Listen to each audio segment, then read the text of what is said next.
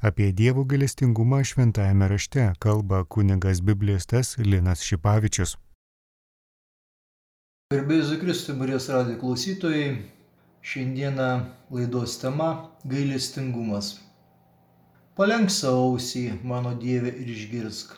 Atverk savo akis ir pažvelk į mūsų nuniokojimą ir miestą, kuris vadinasi tavo vardu. Ne dėl tavo teisumo mes sudedame savo maldavimus priešais tavo veidą, bet dėl tavo didelio gailestingumo. Štai pranašo Danielio knygos 9 skyriaus 18 eilutė pradedame temą kalbėti apie gailestingumą. Gailestingumo prasmė kasdieninėje vartosenoje buvo įtakota bažnytinės lotynų kalbos. Įtapatinama su užuojauta ir atleidimu. Ši identifikacija kelia pavojų, kad nebus atskleistas konkretus savokos turtingumas, kurį Izraelis grindė savo asmeniniais potyriais. Išrinktosios tautos atstovas gailestingumą suprato kaip užuojautos ir ištikimybės vienį. Pirmas terminas hebrajų kalboje apibrėžintis gailestingumo savoką yra žodis rahamim. Jis Sename testamente yra panaudotas 40 kartų ir išreiškia instinktyvaus prieraišumo vienos būtybės kitai atžvilgiai. Pirminė idėja, kuris sėtina su gailestingumu, turi šaknį rechem hebrajiškai reiškia moters gimda. Šis žodis sutinkamas pirmoje Samuelio knygoje, pirmas skyrius šeštoji eilutė. Iš to kilęs žodis rachamim yra sėtinas su vidumi arba viduriais. Vėliau hebrajų kalbos žodis rachamim įgauna tėvo širdies arba brolio širdies prasme. Apie tai kalba pranašas Jeremijas, 31 skyrius 20 eilutė, 103 psalmė 13 eilutė, bei pradžios knyga 43 skyrius 30 eilutės. Tai pilna jautrumo širdis. Išreikšta jį išorę konkrečiuose užuojautos veiksmuose, kylančiuose dėl tragiškos situacijos arba nuoskaudų atleidimo.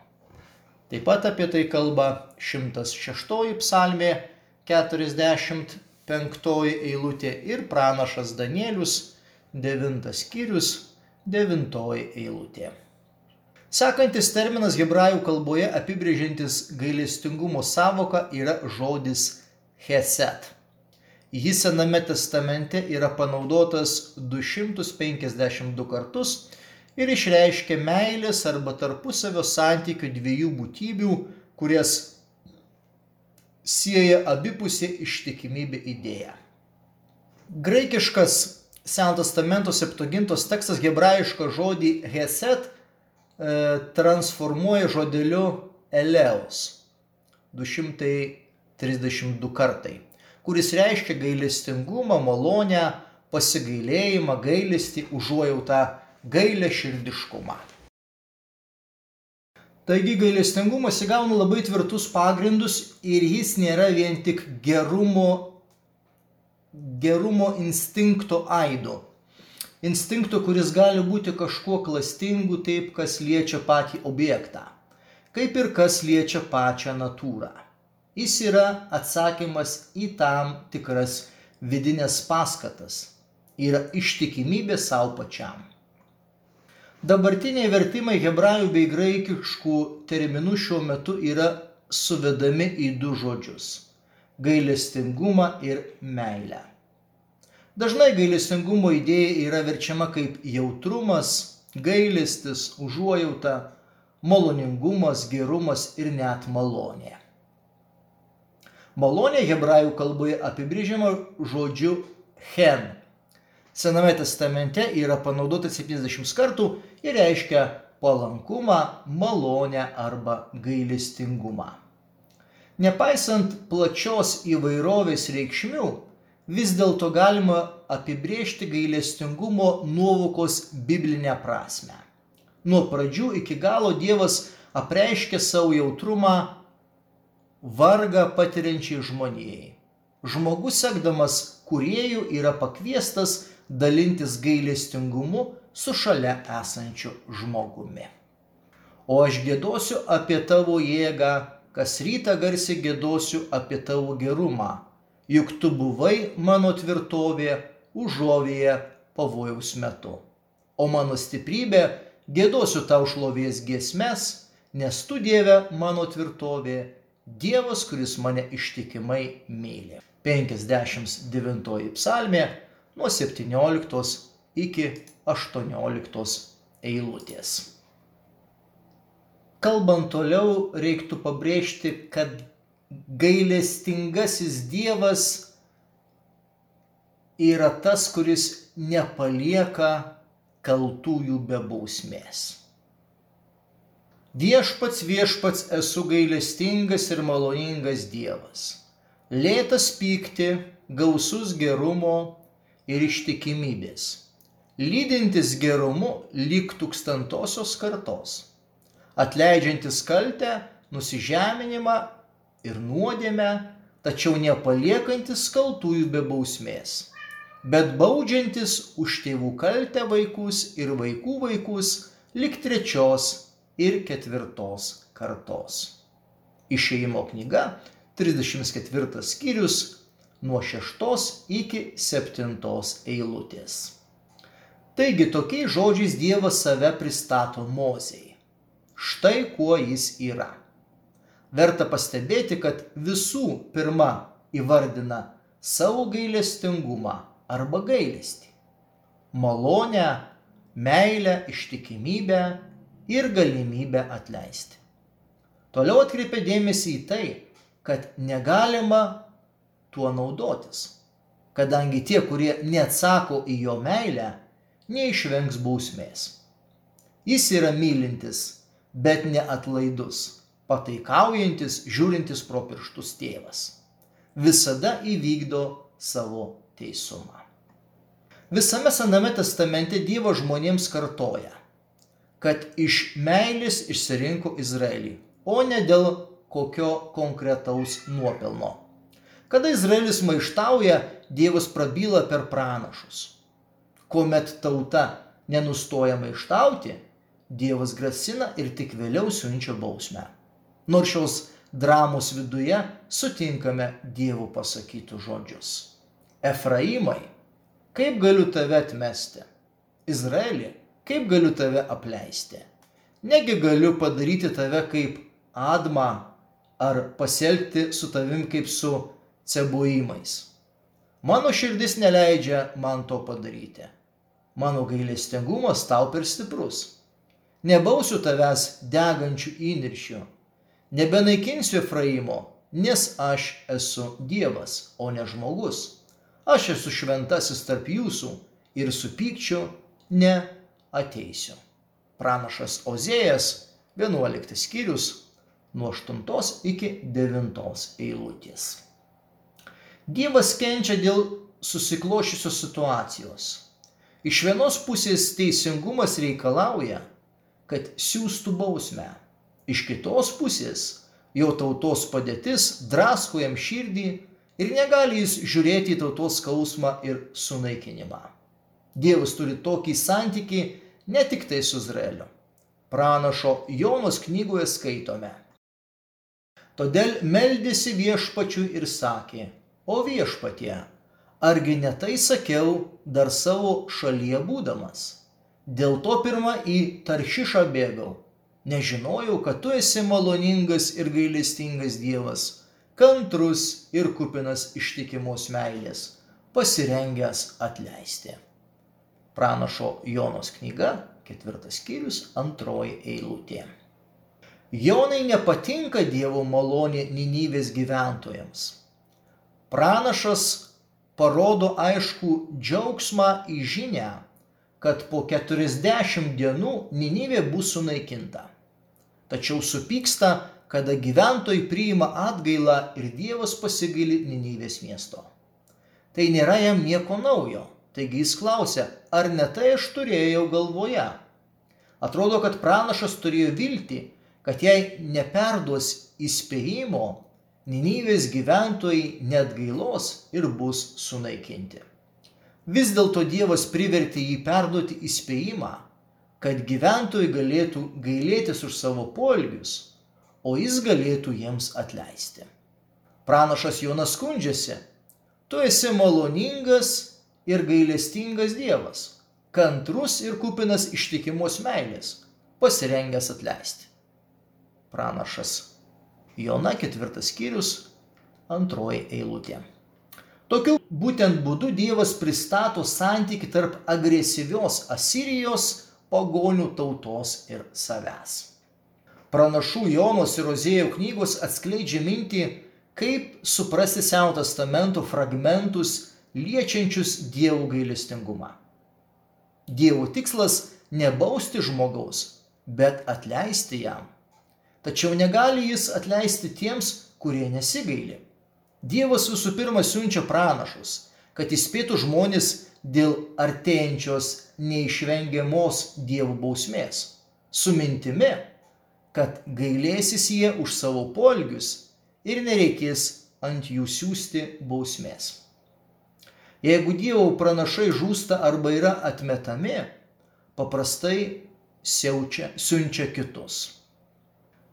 Gali tai trukti dešimtis, o netgi ir šimtus metų, kol galių gale prieis išvados, kad jeigu teisybė turi turėti kokią nors reikšmę, privalo siūsti bausmę.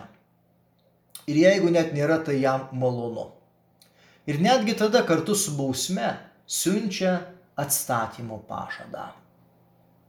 Viešpats yra gailestingas ir mylintis lėtas supykti ir kupinas ištikimos meilės. Ne visą laiką jis barsis, nei bus supykęs per amžius. Jis elgesi su mumis ne pagal mūsų nuodėmių dydį, nei atmoka mums pagal mūsų kaltes. Kaip aukštai nuo žemės dangus, taip dideli jo ištikimoji meilė pagarbiai jo bijantiems. Kaip toli rytai nuo vakarų, taip toli nuo mūsų jis įsklaido mūsų nuodėmes. Kaip tėvas gailisi vaikų, taip viešpats gailisi pagarbiai jo bijančių. 103 psalmė nuo 8 iki 13 eilutės. Kalbant apie gailestingumą, taip pat verta paliesti temą atleidimas ir susitaikinimas. Jei tau brolis nusideda eik ir įtikink jį esant kaltą. Jei jis tavęs paklausys, tu laimėjai savo brolį. Evangelija pagal Matą, 18 skyrius, 15 eilutė. Broliškas primenimas tai tiesa pasakyta su meile ir be jos niekas negali būti vykdoma. Visų pirma, meilė pasireiškinti paklydusio brolio paieškomis, tai yra broliškų priminimu. Visų pirma, nuolat mylėkite vienas kitą, nes meilė uždengia daugybę nuodėmių. Apie tai kalba pirmasis Petro laiškas, ketvirtas skyrius, aštuntoji eilutė. Iš pirmo žvilgsnio gali pasirodyti, jog tai priešiška teisimo draudimui susitaikinimo ieškojimui, palyginimui apie kviečius ir augės. Tačiau tikrovėje broliškas priminimas yra meilė ženklas. Meilė galima bendruomenėje, kurioje kiekvienas pastebi savo ribotumą ir neteisė kito, kuris paklydo. Joje ieškoma to, kas paklydo tam dovanojama, kuris nusidėjo. Be meilės nėra broliško priminimo. Tas, kuris žino, jog yra priimamas taip, pat geba priimti pastabas, netraktuojant jų kaip agresijos. Broliškas priminimas yra priešingybė papiktinimui. Ant kiek papiktinimas užmiršta artimą ir veda link blogio, antiek priminimas parodo ir išveda iš blogio. Papiktinimo žudo, tuo tarpu priminimas laimi brolį. Nuodėmė greuna brolišką bendruomenę. Jeigu atleidžiama, tuomet pusėtinai atstatoma bendruomenė. Tik kada yra pripažįstama kaltė ir priimamas atleidimas, tuomet bendruomenė įsigali pilnatvė. Bet jei nepaklausys, paims su savim dar vieną ar du, kad dviejų ar trijų liudytojų parodymų būtų patvirtintas kiekvienas dalykas. O jeigu jis jų nepaklausys, pasakyk bendruomeniai. Bet jei ir bendruomenės nepaklausys, tebūnė jis tau kaip pagonis ir muitininkas. Mato Evangelija, 18 skyrius, nuo 16 iki 17 eilutės. Šio sugražinimo į bendruomenę proceso ištakos glūdi Izraelio tradicijoje. 613 judaizmo įsakymų rinkinyje Tarjak Mitzvot aptinkama įsakymą įspėti artimai pagal kunigų knygą 19 skyrius 17 eilutė. Esti trys įspėjimų pakopos, kurias reiktų suteikti kai kas elgesi nuodėmingai. Pirma, pirmiausia, reikia įspėti jį atskirai arba asmeniškai. Antra, jeigu neklauso, reikia įspėti jį dalyvaujant draugams. Ir trečia, jeigu toliau nekeičia polgio, reikia įspėti jį viešai. Apie tai kalba Micva 239 punktas. Turtinga bažnyčios patirtis byloja, ar privalu kaltinti nusidėjėlius. Taip pat Šventas Paulius sako, o veikiau Kristus per Paulių, kas tu toks, kad drįsti teisti svetimą tarną. Laiškas romiečiams 14 skyrius 4 eilutė. Tai kaipgi tu smerki savo brolį? Arba kodėl niekinė savo brolį. Ir dar, tad neteiskite ko nors prieš laiką iki ateis viešpats. Pirmas laiškas korintiečiams, ketvirtas skyrius, penkta eilutė.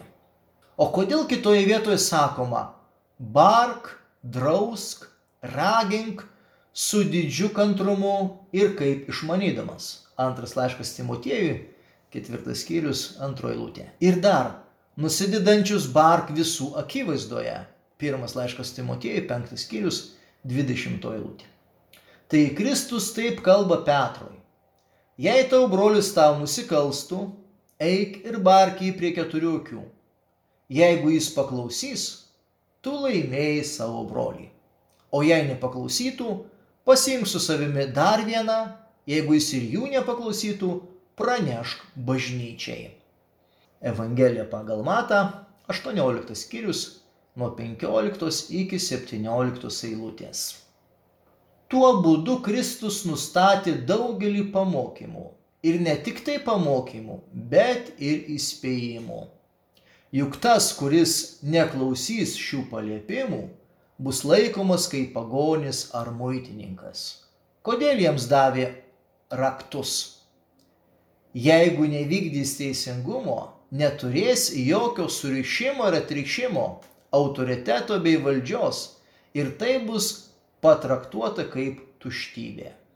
Priešingų atveju, jeigu tai turėtų dar išsilaikyti, viskas pavirs niekais.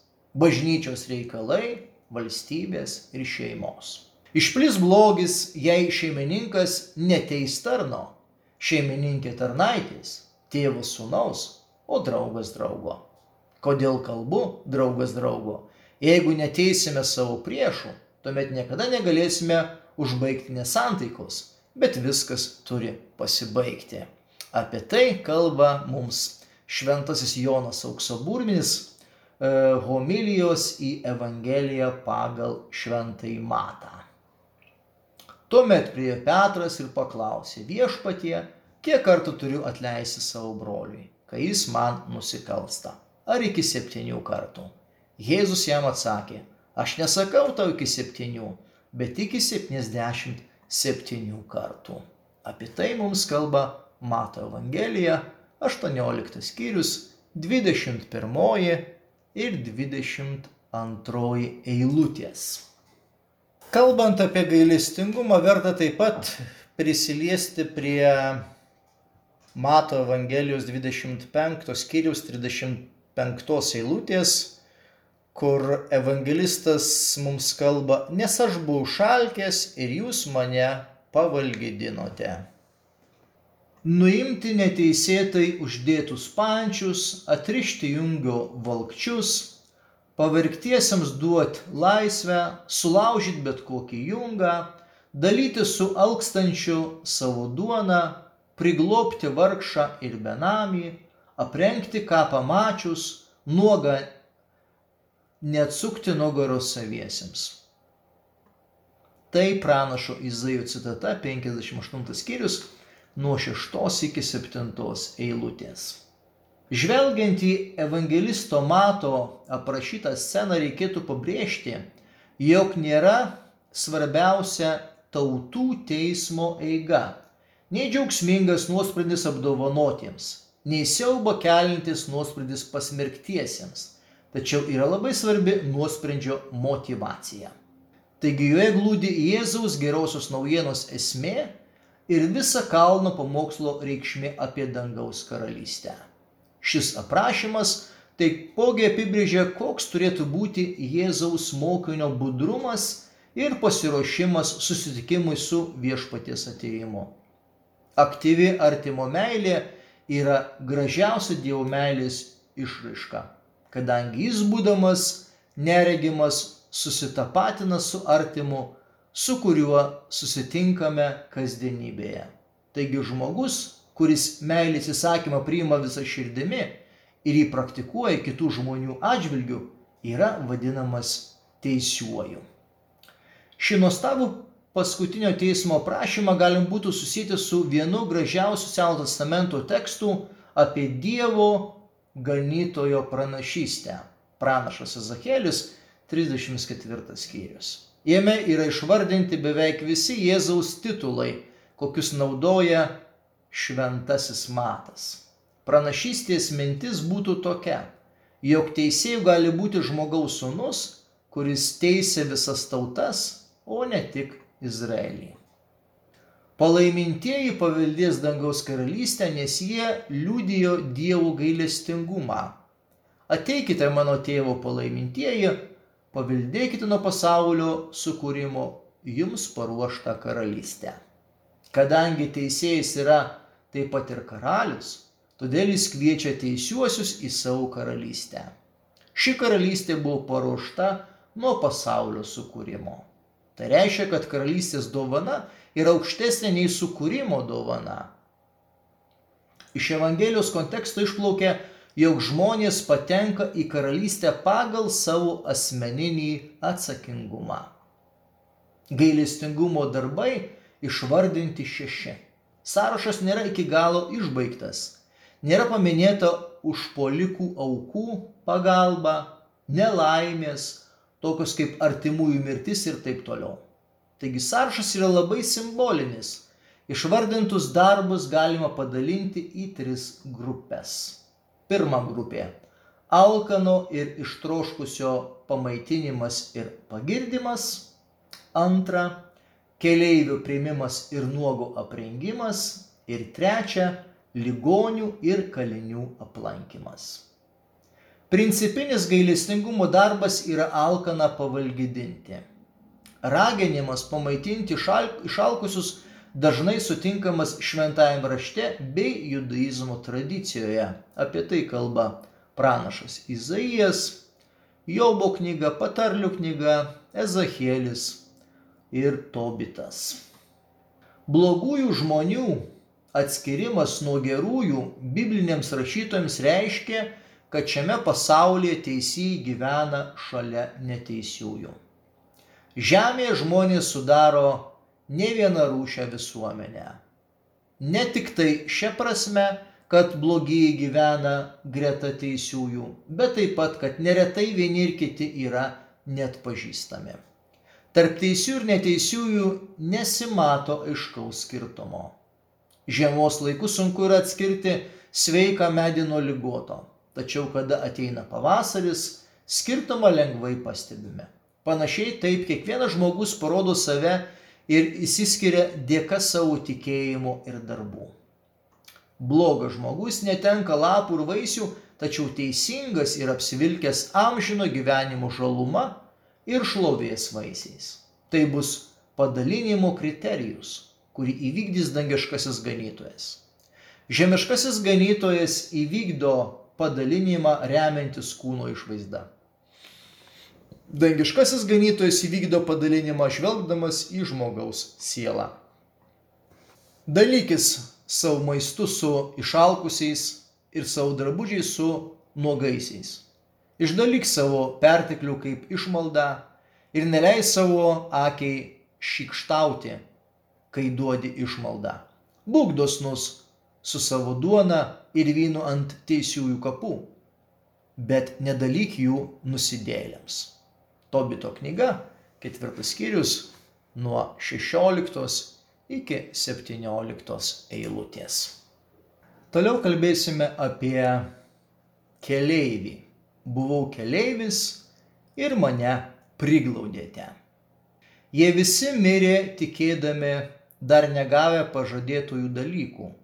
Tik iš tolo juos regėdami, sveikiname ir išpažindami, jog jie žemėje svečiai ir ateiviai.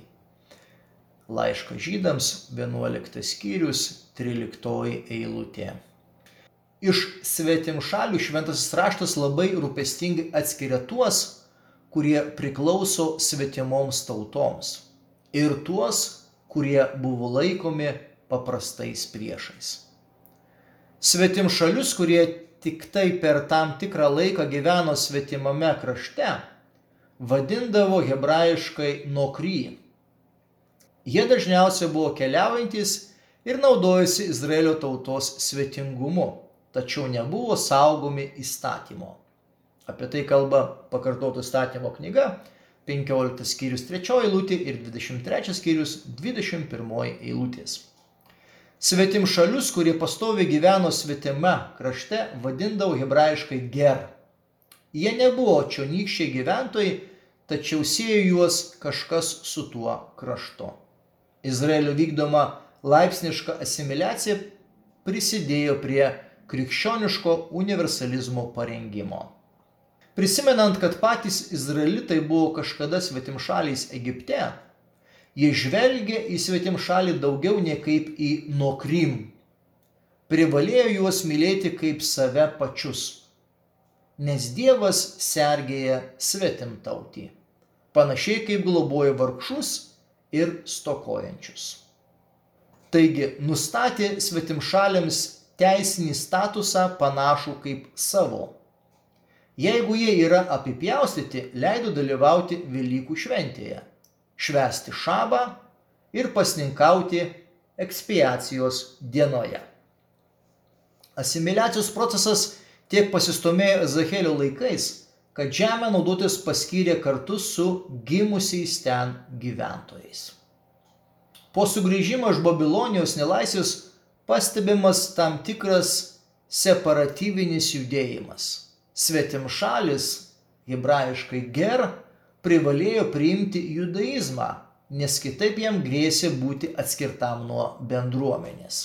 Asimiliacijos procesas turėjo eiti į priekį kada sunus kokio nors svetimšalio prisertindavo prie viešpaties ir ištikimai laikydavosi įstatymo. Dievas priimdavo jį į savo šventyklą taip pat, kaip ir kiekvieną izraelitą. Pranašas Izaijas 56 skyrius 6 eilutė. Tam tikra svetimšalio savokos transpozicija išlaikė ir pasiekė netgi krikščioniško tikėjimo tiesas. Kanano žemė buvo pažadėta Abraomui ir jo palikuonėms, bet jos tikrųjų savininkų, kaip ir anksčiau, išliko viešpats Dievas. Izraelis, Dievo svetim šalis, yra vienintelis įnamis. Ši mintis pristato dar kartą labai paprastu būdu tą dvasinę padėtį, apie kurią vėliau kalba psalmės. Izraelitas žino, kad niekas jam iš Dievo nepriklauso ir tik tai trokšta būti Dievo svečiu. 15 psalmė. Jis gerai žino, kad visų pirma jis yra svetim šalis, keleivis, kaip ir visi jo protėviai. Esant keliauninku ir tai, kad gyvenant žemėje yra laikinas, prašo Dievo, kad jam netrukus ateitų į pagalbą. Taigi šaltinėje Q sužinome, kad charizmatiniai piligrimai buvo vargingi. Kelionėje svetimšaliams graikiškai ksenos buvo privaloma duoti maisto, turėjo tik tai vieną drabužį, rizikavo prarasti savo gyvybę. Kai kada būdavo uždaromi į kalėjimus, apie troškulį, alkį, kalėjimą, šaltį ir drabužio stoką taip pat kalba apaštalas Paulius pasakodamas apie savo apaštalavimo vargus. Pirmas laiškas kurintiečiam, ketvirtas skyrius, vienuoliktoji eilutė ir antras laiškas kurintiečiams, šeštas skyrius, ketvirtoji eilutė ir vienuoliktas skyrius, 23-27 eilutės. Iš Jėzaus pasisakymo išplaukia, kad jis identifikavo save su tokiais. Kas jūsų klauso, manęs klauso. Kas jūs niekina, mane niekina. Bendruomenėje buvo privaloma regula didache, kuris skelbė, kad keliaujantis mokytojas, skelbiantis gerąją naujieną, turi būti priimtas kaip pats viešpats. Didache 11 skyrius antroji eilutė.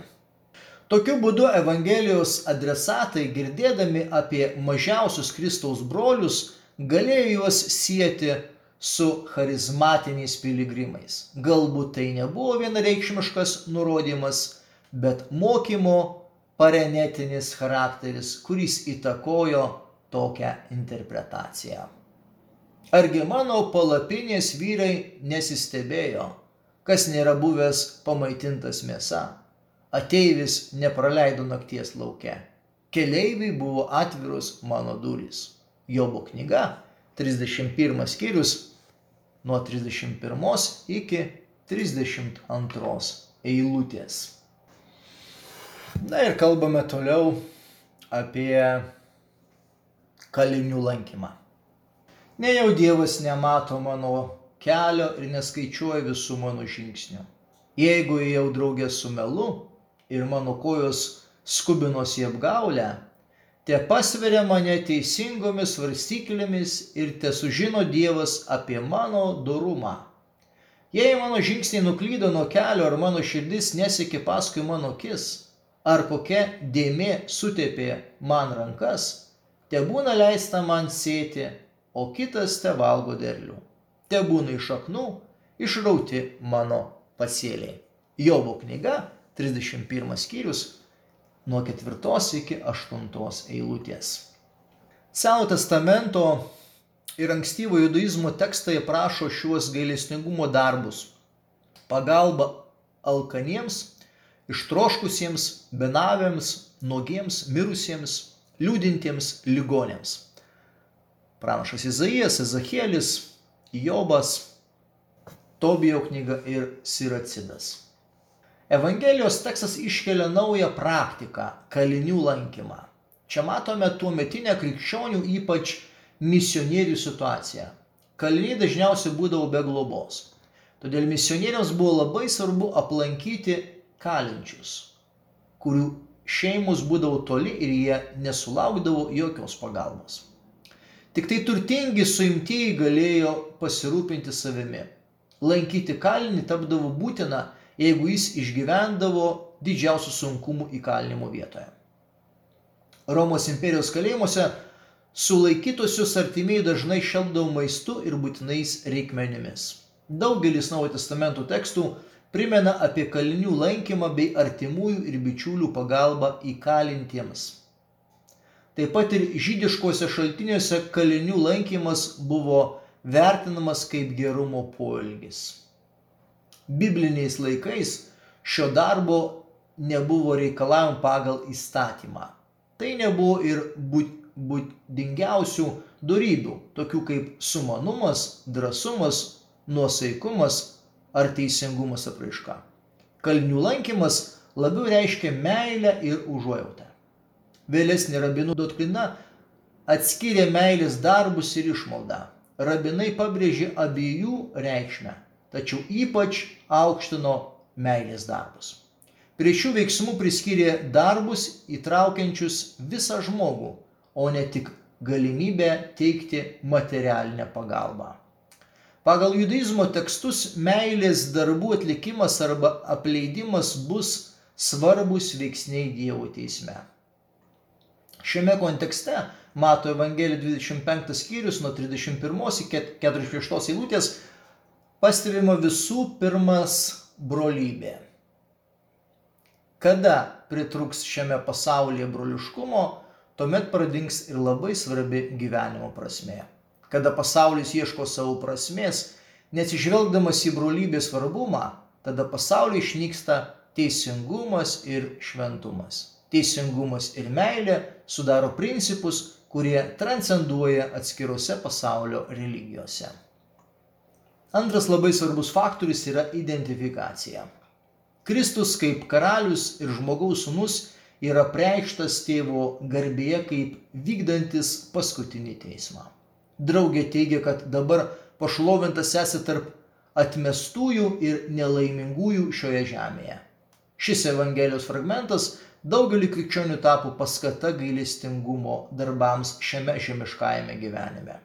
Tarnystė Kristui pildosi per tarnystę žmogų jo reikaluose. Jėzus Kristus gyvena tarp mūsų kaip alkanas, ištroškęs ir benamis. Jis save sutapatina su vargdieniais ir kenčiančiais. Vienintelis teisingas atsakymas Dievo tautos yra kovoti su skurdu, lygomis bei kančiomis. Gėrio darimas yra Kristaus tarnystės forma. Kada jis buvo matomas nelaimingo žmogaus paveiksle, ne vienas norėtų jam pasitarnauti. Tačiau Evangelija mums kalba, kad Kristus yra nematomas pavargusių ir nelaimingų žmonių veiduose. Žmonės nežino, kad tarnauja arba netarnauja Jėzui.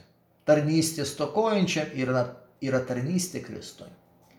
Tikras Kristaus tarnas gali nieko nežinoti apie jį, o tik tarnauti savo artimui. Vargšui išties ranką, kad tavo paties palaimo būtų sklidina. Būk dosnus kiekvienam gyvajam, neatsisakyk būti geras net mirusiesiems. Nesišalink verkiančiųjų, bet liūdėk su liūdinčiais. Nedelsk aplankyti ligonį, nes už tokius darbus būsi mylimas. Kad ir ką darytum, visada atmink savo gyvenimo pabaigą ir niekada nenusidėsi. Siracido knyga, 7 skyrius, nuo 32 iki 36 eilutės. Kunigas biblistas Linas Šipavičius kalbėjo apie Dievo gailestingumą šventajame rašte.